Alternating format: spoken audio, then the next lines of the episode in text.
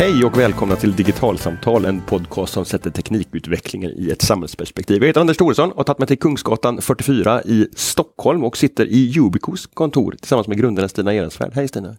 Hejsan! Um, på tåget hit upp så eh, satt jag och googlade, eh, för jag har skrivit om er ganska många gånger genom åren eh, och hittade den första artikeln om Ubiq som Anders Thoresson skrev och den publicerades i Ny Teknik nästan på dagen för, för tio år sedan. Och den ingressen som, som inledde den artikeln lyder Svenska Ubiq har lösningen på den eviga kampen mellan lösenord som går att komma ihåg och lösenord som är säkra. Vad, vad är det för lösenordsproblem som ni har jobbat nu i, i 13 år med att, att få ordning på? Om man börjar med internet som grundades eller på något sätt började hända för 30 år sedan. Då det designades aldrig för säkerhet. Det designades för att dela information och man tyckte då att ett eh, användarnamn och ett lösenord var tillräckligt säkert. Lösenord är en statisk eh, liksom kombination av siffror. Allting som är statiskt Allting som är statiskt går att kopiera idag. Om det ligger på en dator, om det ligger på en mobil. Eh, det, det, det, är inte, det är inte tillräckligt säkert. 80% av alla eh, rubriker kring internetsäkerhetsproblem beror på hackade lösenord. Och då finns det ju lösningar. Det finns bankdoser, det finns sms, det finns mobila lösningar. Men de är antingen alldeles för krångliga för användarna eller inte tillräckligt säkra. Nej, för det är det man kommer in på då är det här som kallas för tvåfaktorsautentisering. Eh, att, att man inte bara har ett lösenord som är någonting som man kan och som andra kan gissa sig till eller stjäla utan man behöver komplettera det här med någonting som man har eller någonting som man är om man kommer in på, på biometrilösningarna. Det är ju de tre sakerna som man brukar, brukar och prata kombinationen av alla tre är inte så dum den heller. Nej, precis. så när jag loggar in på min dator då använder jag min biometri eller på, på, min, på min telefon och sen loggar jag in eh, med min YubiKey och sen kombinerar med en PIN. Så det, för min inloggning så använder jag alla tre. Mm. Men, men eh, du, som du säger, det, det finns ju lösningar. Må, många tjänster idag gör det möjligt att, att få engångskoder skickade via ett sms till exempel. Eh, på, på, en del tjänster så kan man skapa eh, engångskoder med hjälp av en sån här autentiseringsapp, Google Authenticator eller Auth i, i, i, sin mobiltelefon som skapar en engångskod som, som bara är, är giltig i kanske 30 sekunder eller någon, någon minut. Va, va, vad är det som gör att inte de lösningarna liksom räcker? Vad, va, va, va, var det för lucka som, som ni såg för 2007 och som ni jobbar med fortfarande?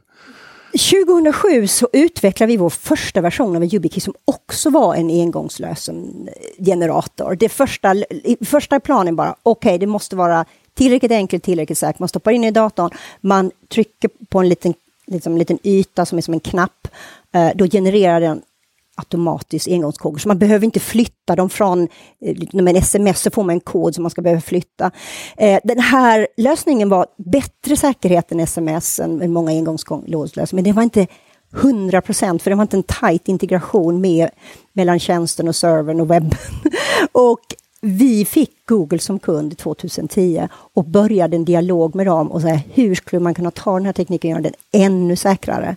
Och Google hade då gjort en eh, liksom en, en studie och konstaterat att sms och sin egen Google Authenticator, alltså deras engångslösningsapp, inte var tillräckligt säker. Det var en ökad antal phishing-attacker som kom på dem. Så de tänkte, okej, okay, då måste vi skicka ut smartcards. För smartcard är, har en form av kryptering som heter eh, public cryptography publika nycklar som har den här mer tajta, mer avancerade krypteringstekniken. Och det, så de tänkte först, nu måste vi skicka ut smartcards till alla våra anställda för att minska det här problemet. Men då kommer smartcard, det behöver läsare, det behöver klientprogramvaror, det är inte riktigt designat för webben, det är inte designat för mobiler.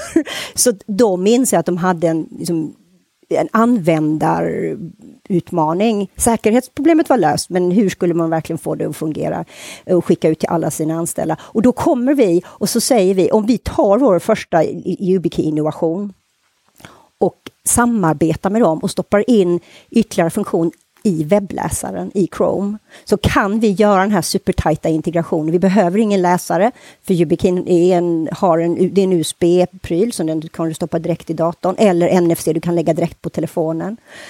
Och du kan eh, du behöver ingen klientprogramvara, för det stoppar vi in i Chrome. och det är inte bara fem bolag i världen som man kan eh, man kan be, liksom, kan ni stoppa in det här i webbläsaren? Men det gjorde de. Och när de skickade ut det här eh, till alla sina anställda så hade de inte ett enda konto hackat. Alltså inte en enda framgångsrik phishing-attack.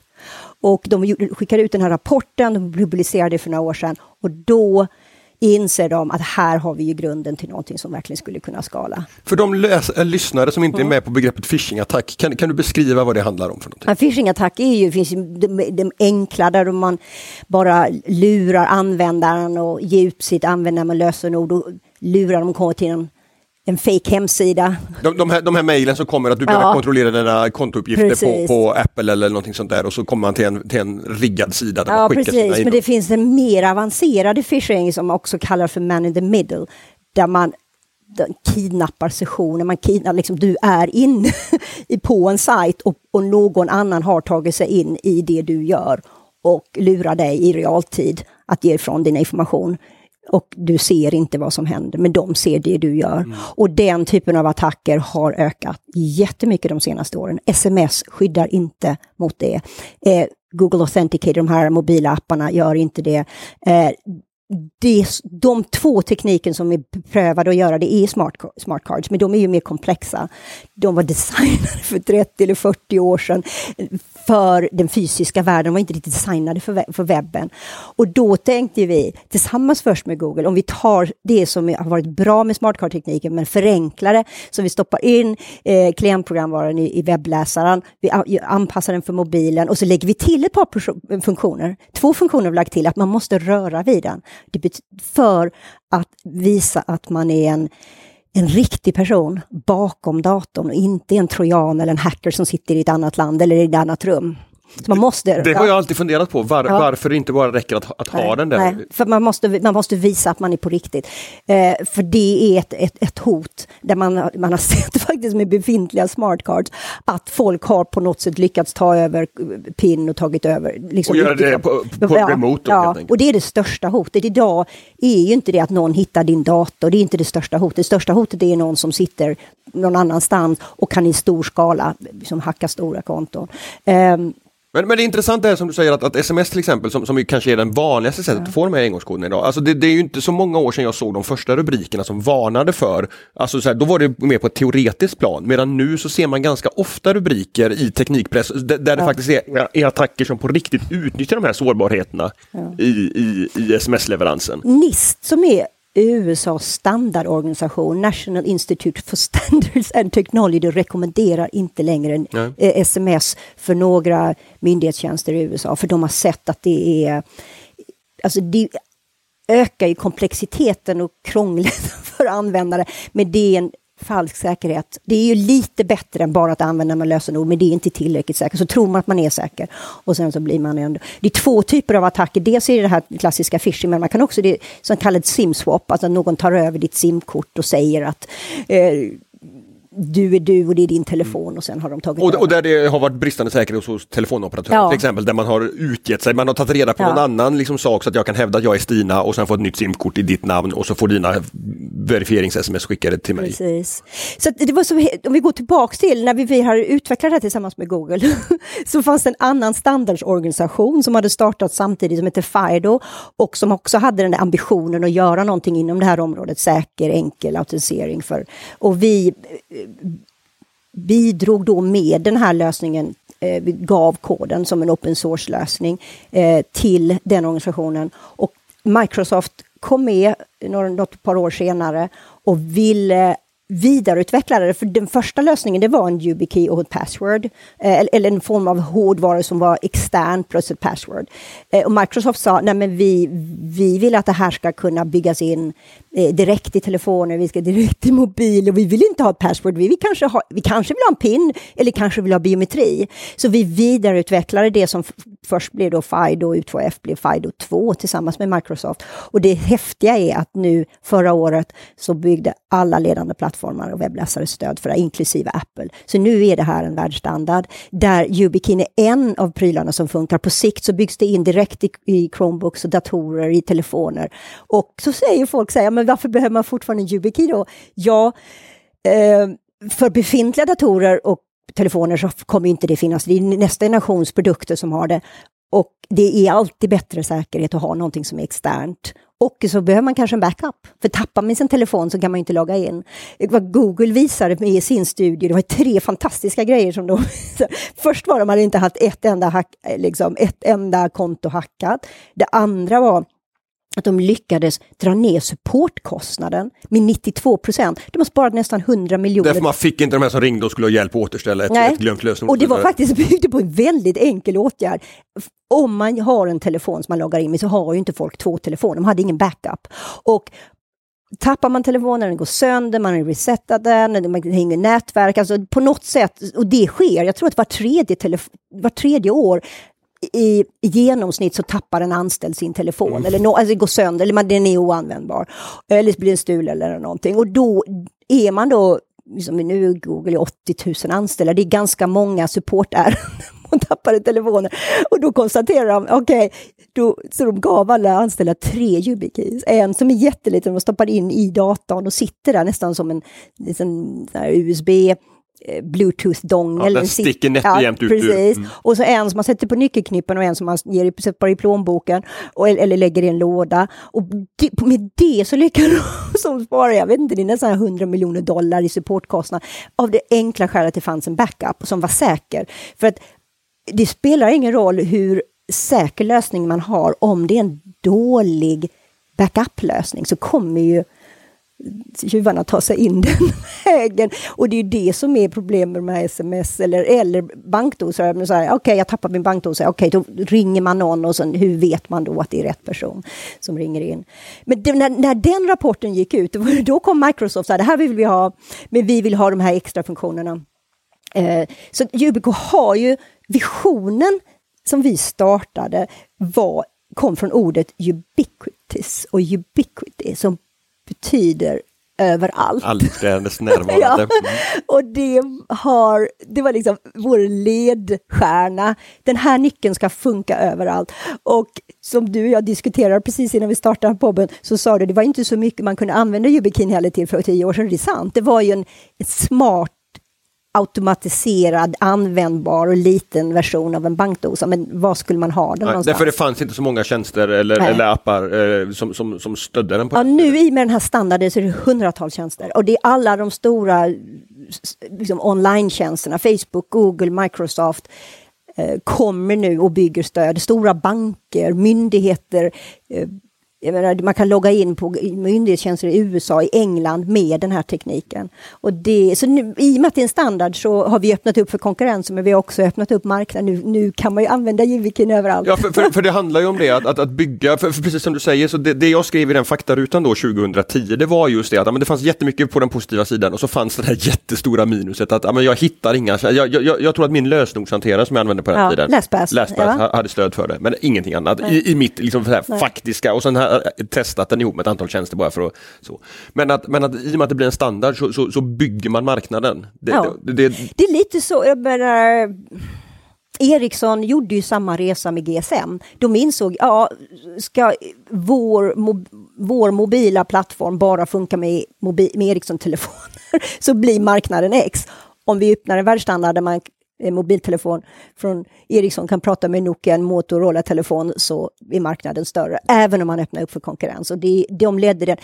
Eh, det finns två andra jättespännande företag som har gjort en liknande resa på säkerhetsplanet. Det är ju Volvo och Autoliv som drev standarden för bilbälte och, och, och de tog ju okej, okay, bilar behöver bli säkra. Och jag, han, han, jag läste en artikel av Nils Bolin som var en av drivande bakom trepunktsbältet. Han konstaterar, för att säkerhet ska skala. Det är samma behov som för internet. Det måste vara enkelt. Det måste funka med en hand, det måste funka inom någon sekund. Vanliga människor vill inte bli obekväma under någon, liksom, inte ens för, liksom, liksom överhuvudtaget.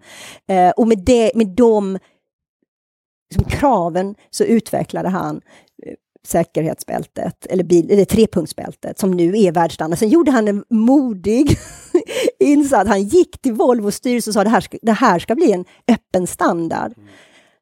Och sen om man tittar på menar, vad Volvo och Autoliv har gjort för bilsäkerheten idag. Det är exakt samma utmaning som vi har haft med internet.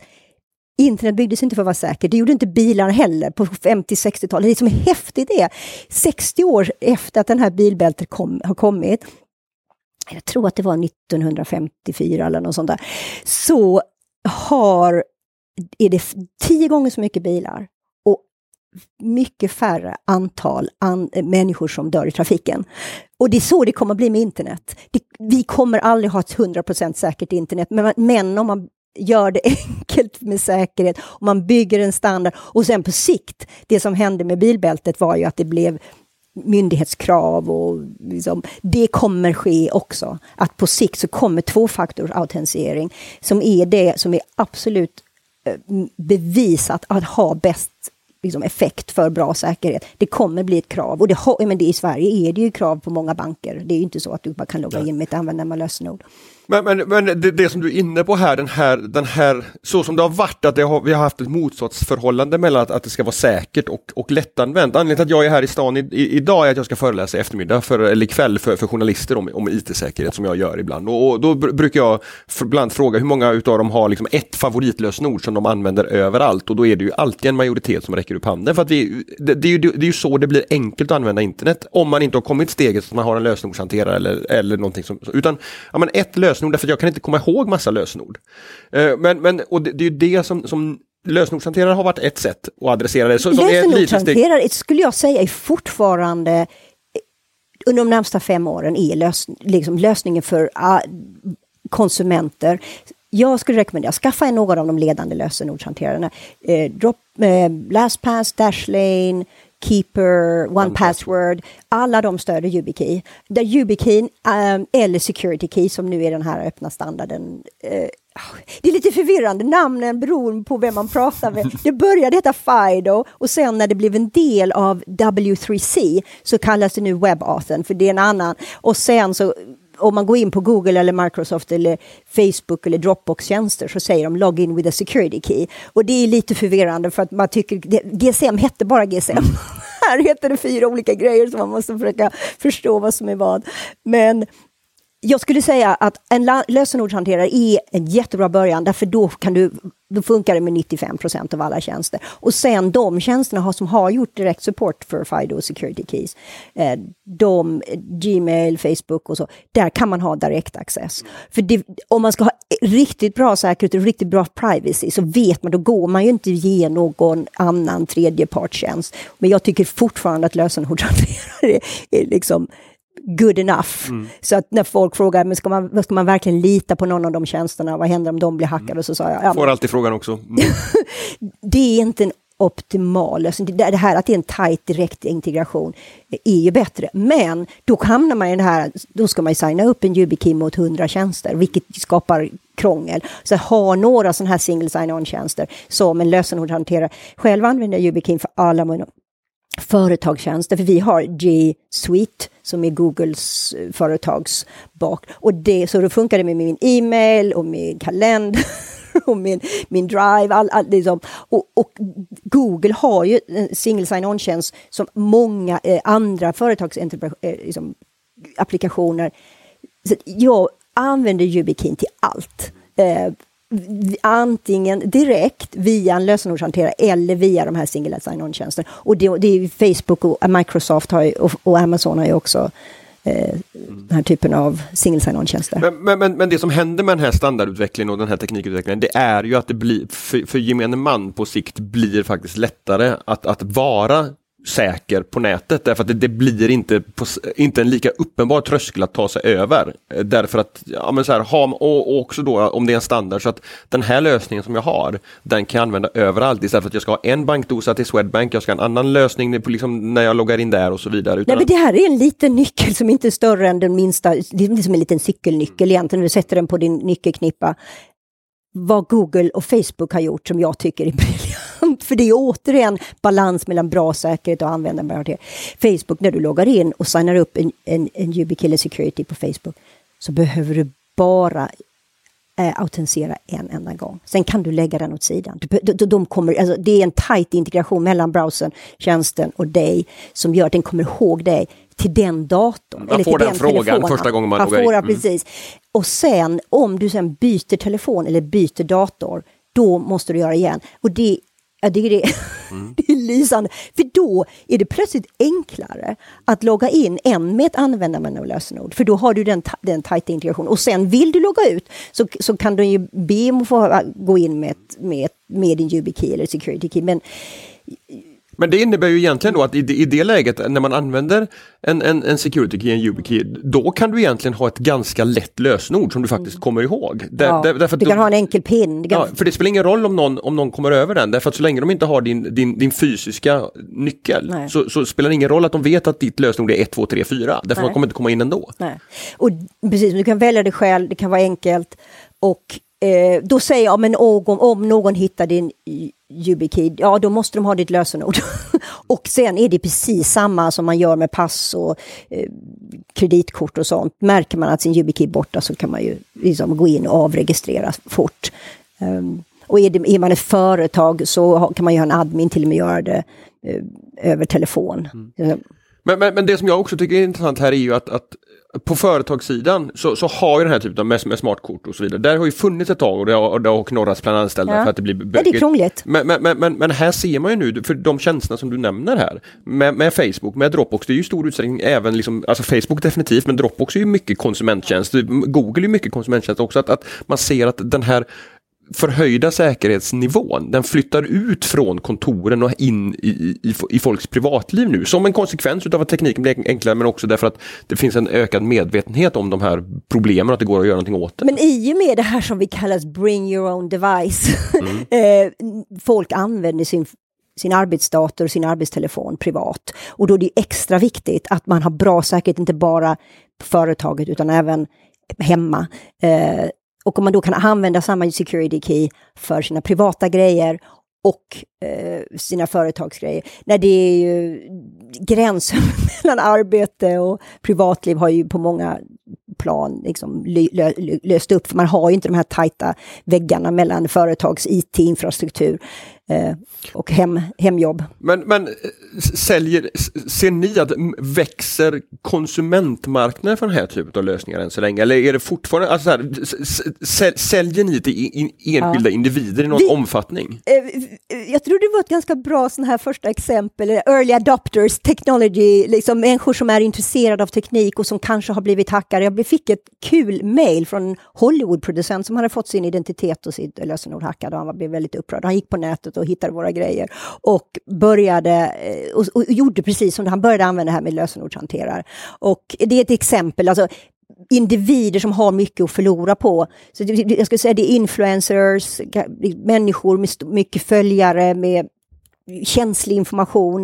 Eh, det är ju inte liksom, hundratals miljoner konsumenter idag som använder Nej. det här. Men det kommer på sikt, i och med att det blir mer och mer tjänster, och på sikt också när bankerna gör support för det här. För då kommer man få det här, istället för att man får en bankdosa hemskickad, så får man en YubiKey och då kan man använda den på andra ställen. Det är det som är det häftiga. För idag, om du får en bankdosa kan du bara använda den till din bank med en YubiKey. Så vi vet faktiskt banker som, vi, vi har, det är en stor amerikansk bank, det är inte officiellt den som har gjort support för Security Key och YubiKey och det var eh, en av deras användare. Det var en, det här är en bank som har många mycket förmögna personer. Så det var en, en IT-entreprenör i Silicon Valley som är stor fan av det vi gör och han ringde upp banken och sa varför är min Facebook och mitt Google-konto säkrare än det stället där jag har mina pengar? Om inte ni gör support för YubiKey så kommer jag flytta alla mina pengar.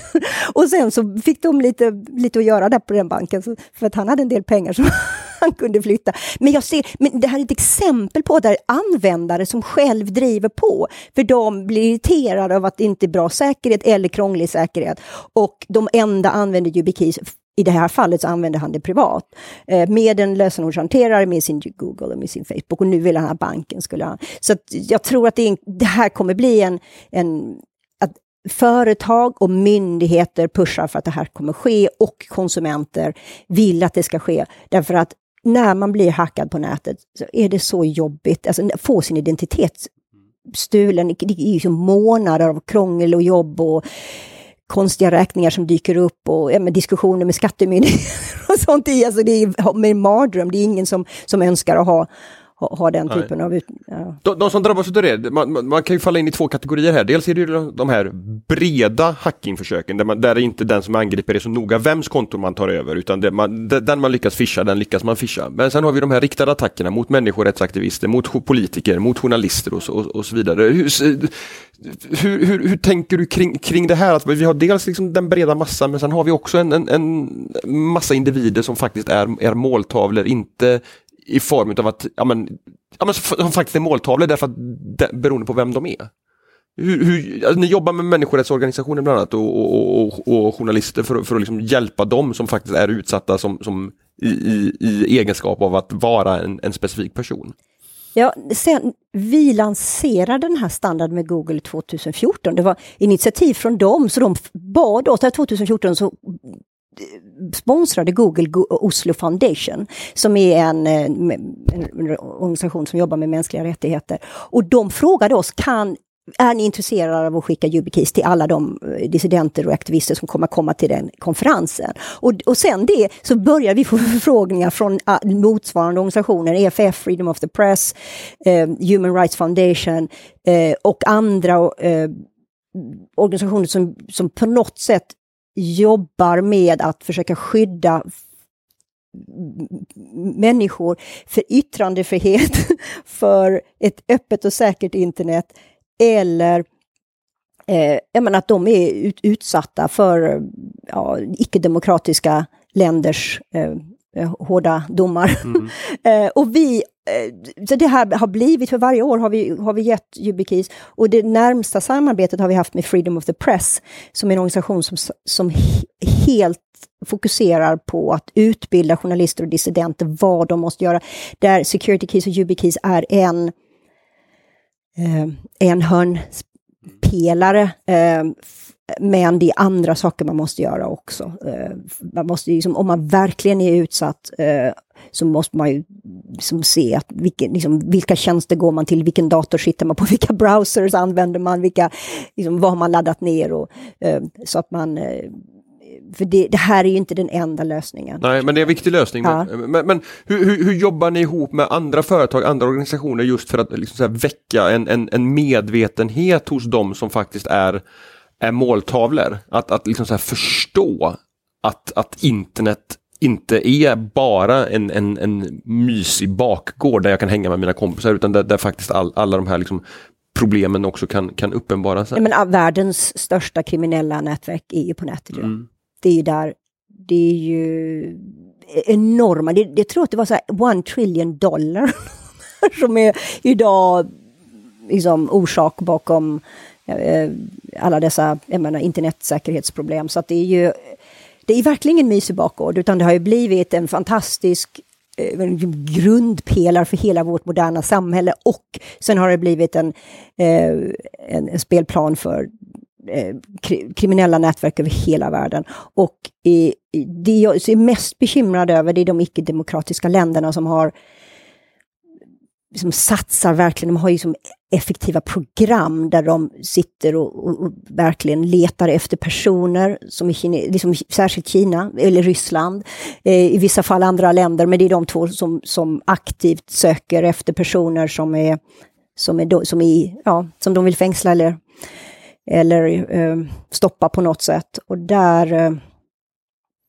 eh, där, är vi, där har vi aktivt gått in och försökt hjälpa till. Mm. Men det, det, finns saker som, som, som, som ni ihop med, med, med, andra företag och organisationer kan, kan göra för, för att ge de här personerna det stödet som de, som de behöver för att göra nätet till en, till en säkrare kommunikationskanal i, i, i sitt arbete med mänskliga rättigheter eller vad det kan handla om. Ja. Nej, vad vi gör är att vi donerar YubiKeys till dem och sen så måste man göra andra saker och det eh, bästa är tycker jag om man är intresserad, man kan gå in på nätet och söka what liksom, 10 things to do, mm. sånt där, to secure privacy online. Men man kan också gå in på Freedom of the Press. Det finns organisationer, eller EFF, som aktivt jobbar med de här mm. frågorna. Om du får liksom sia lite in i framtiden som, som avrundning på det här. Hur, hur kommer, hur kommer liksom säkerheten på nätet kopplat till de här frågorna med lösning och så vidare? Vad, vad, vad ser du för utveckling? Vad, vad, vad, kommer hända tekniskt och, och, eh, och liksom riskmässigt? Vad, vad är det vi kommer utmanas utav och hur kommer vi lösa det? det är många som har varit ganska pessimistiska kring internetsäkerhetsutveckling och nu, där, vad jag tycker är häftigt att se att här är en lösning som har gett konkreta resultat. Eh, och det är ett, det är ett standard samarbets liksom, arbete som vi har gjort tillsammans med de stora ledande plattformarna och webbläsarna. Och verkligheten är att det är de som äger mer eller mindre internet idag, de här fem jättebolagen, men de, de, vi gör allting på något sätt så kommer vi i kontakt med dem varje dag. Eh, men de bygger också in säkerhet eh, andra typer av säkerhetsmekanismer, som till exempel när du får ett en e-mail från någon som bara, här, så kommer det upp, nej men det här är inte någon som är din kontaktperson eller, alltså de, de, de, de har ju en effektiv spam och så de bygger ju in säkerhetsmekanismer vid sidan av. Så om man ska säga sia för framtiden så går ju allting mot molnet. Mm. Och de här stora plattformarna, till, till skillnad för en tio år sedan, då var man ju tvungen att köpa virusprogramvaror eller säkerhet utanför liksom, vid sidan av, man köpte Microsoft-licens och sen fick man gå och köpa, det behöver man inte idag, det, allt det håller på att byggas in och det tycker jag är jättebra. För det är lite så här, tänk om du hade gått till Volvo idag och så, äh, nu vill jag köpa en bil, men äh, du får ingen säkerhetsbälte, du får ingen krockkudde, du får ingen krockzon. Det måste du lösa själv. Det får du liksom gå och köpa som tillbehör efteråt. Och det är lite så, alltså, så nu har man ju insett, så att alla de ledande plattformar bygger ju in jättebra säkerhetslösning. De har ju flera tusentals anställda som gör det åt dig. Eh, så, så de är duktiga på det. Eh, sen blir det ju en privacyfråga att lägga allting hos dem. Men det är en annan ja, men, men, men, men, ja, och, och det... men, att, men de, att de nu tar säkerhet på allvar är en jätte... Och nu kommer de här standards, och det här är ju inte bara security keys är ju en av mycket saker som håller på att utvecklas. Jag är jätteoptimistisk och tycker att det är wow, nu skulle vi kunna bygga ett säkrare internet, ett internet som man kan göra eh, liksom, saker som man inte kanske litade på tidigare. Men det kommer ju ta några år innan det är fullt ut. Men en kul grej är att nu har Visa och Mastercard har gått in med den här organisationen och tittat på nästa generations betalningslösningar, nästa generations EMV, PIN, PIN on chip-kort. Eh, det kommer bolag som säger vi vill göra IoT-lösningar, alltså som bygger på den här standardsplattformen. Lite som SSL för 20-30 år sedan, jag vet inte när det först utvecklades, men det var ju en eh, protokoll för att, som idag säkrar väldigt mycket av internet. Nu kommer det ytterligare ett, en standard ovanpå det för att göra, för att göra saker och ting säkrare. Så ja, mm. optimist ja, men vad framtiden. Ja. Stina, stort tack för att du var med i Digitalsamtal och pratade ett säkrare internet.